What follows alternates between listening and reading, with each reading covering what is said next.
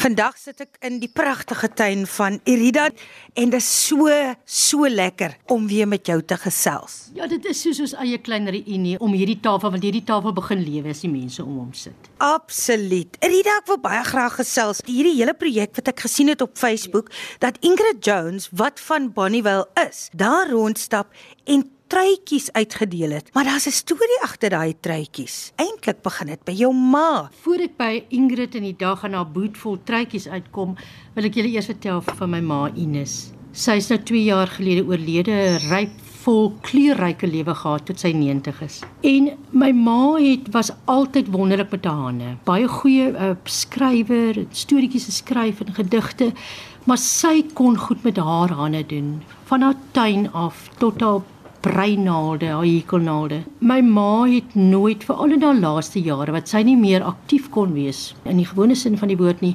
het sy so op haar in haar lazy boy gaan sit. Ek sien haar nou so in haar sitkamer. Altyd met haar hekelwol of haar breinaalde, alles binne 'n vat afstand en sy het elke liewe dag van haar lewe voor sy gaan slaap het kon sy terugkyk op iets wat sy geskep het daai dag. En soos die jare aangestap het, het dit later net hekelwerk geword. Want die breiwerk was was te te kompleks en en en te veel van haar gevat. Elke tweede foto wat ek van haar het, is daar ma se hande met breinaalde of hekelnaalde in.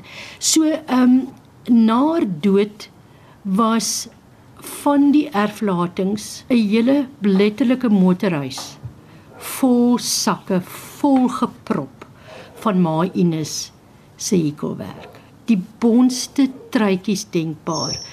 En die meeste van hulle het haar kenteken geborduurde blommetjie op. En verlang na dood kon ek nie uh, ek kon nie losmaak van die die truie nie. Dit was my asof dit 'n manier was om my ma by my te hou hier in in die COVID tyd wat ek anders na goed begin kyk het en en ek besef het dat ek my ma op soveel ander maniere onthou. Het ek geweet ek begin so stadig aan losmaak. Ons wonderlike gemeenskapsgroep wat Ingrid begin het, toe ek daarop lees van hierdie happiness projek wat sy begin met breiwerk en in in hekelwerk vir bejaardes en natuurlik nou vir kinders ook maar die bejaardes het my oog gevang want dit het met my gepraat en ek het net geweet Maar Ines, ons haal jou truie uit die garage uit en ons gaan dit vir mense gee wat dit nie net nodig het nie, maar ook gaan geniet. My naam is Ingrid Jones en ek behoort aan 'n Facebookgroep met die naam van Lockdown Recipe Storytelling Book wat begin is Grendeltyd periode. En in daardie tyd het ons 'n groep opgebou van 3 mense oor die afgelope jaar met verskillende belangstellingsvelde anders as kos. Een van die laaste aksies waarmee ons betrokke is, is om breiwerk of jukkelwerk vir mense te vra om te doen in hulle spaartyd en dan sal ek dit dan gaan oplaai by sekere punte, sentrale punte. Irida de Tooi is een van die mense wat aangebied het om in haar ma se kaste te gaan kyk na die goed wat sy oor jare gejukkel het.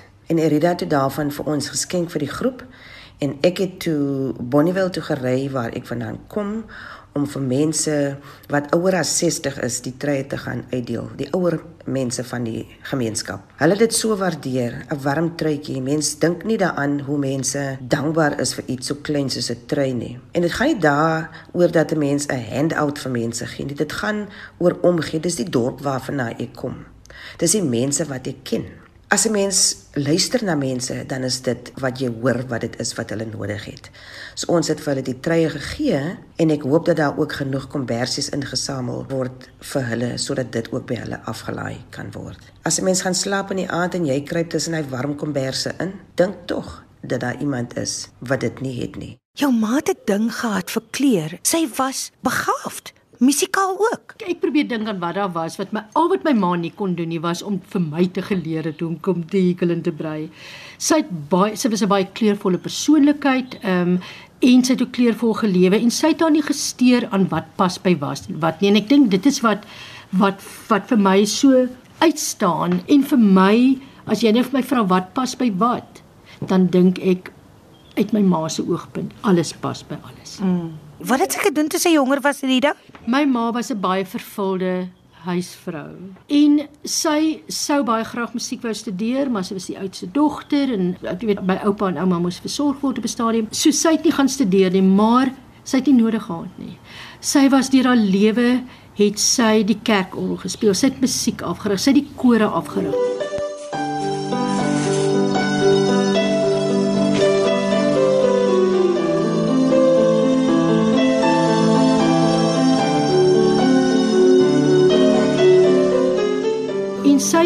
As kinders se slaaptyd stories geskryf. Sy het ons slaaptyd dingetjies geskryf en vir ons gesing.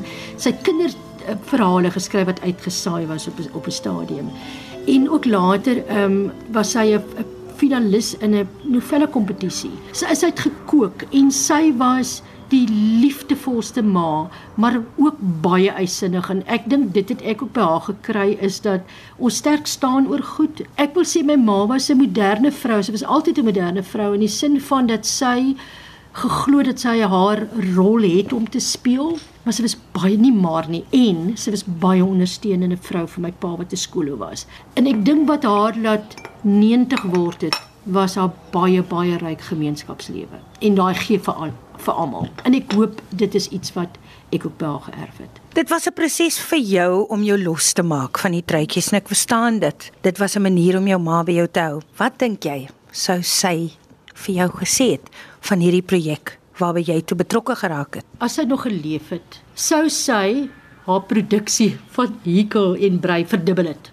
Mm. Want sy sou net wou gee en bydra en bydra en bydra. Ek dink dit channel my ma hier deur my dat dit eintlik 'n liefdesopdragwerk van haar is mm. om betrokke te wees by Ingrid se projek, maar wat ook so so betekenisvol ek sou aanvanklik gesê betekenisvol toevallig, maar ek dink nie dit is dit is dit nie. Ek dink daar's daar's meer 'n beplannende hand daar in 'n groter hand is dat toe ek dit vir Ingrid gegee het hierdie boetvol treye het ek nie ek het al wat ek geweet het is dat Ingrid daai treye persoonlik by elke persoon wat dit gaan dra of gaan gebruik sy persoonlik gaan oorhandig sy en mense wat deel is van die groep So niks sou net anoniem afgelewer geword het nie, maar min het ek geweet dit Bonnievale se wees.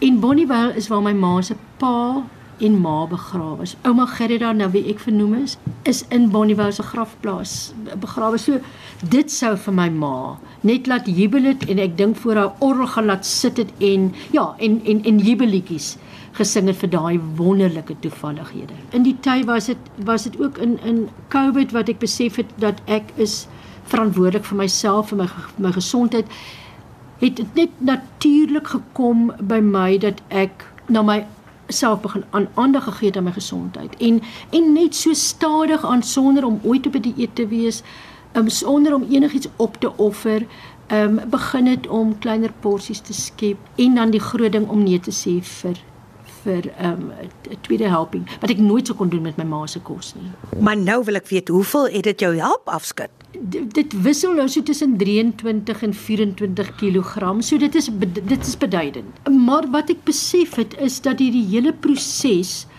van as ek die Engelse woord kan gebruik shedding, daai deel van die ontslaa raak van goed het ook deurgetrek na goed wat ek gedink het. Um, as ek byvoorbeeld dink aan die trui ek wou nie daarvan ontslaa geraak het want ek gedink dit is die manier om my ma by my te hou dit is een manier om my ma en ek besef nee hoe genaamd nie.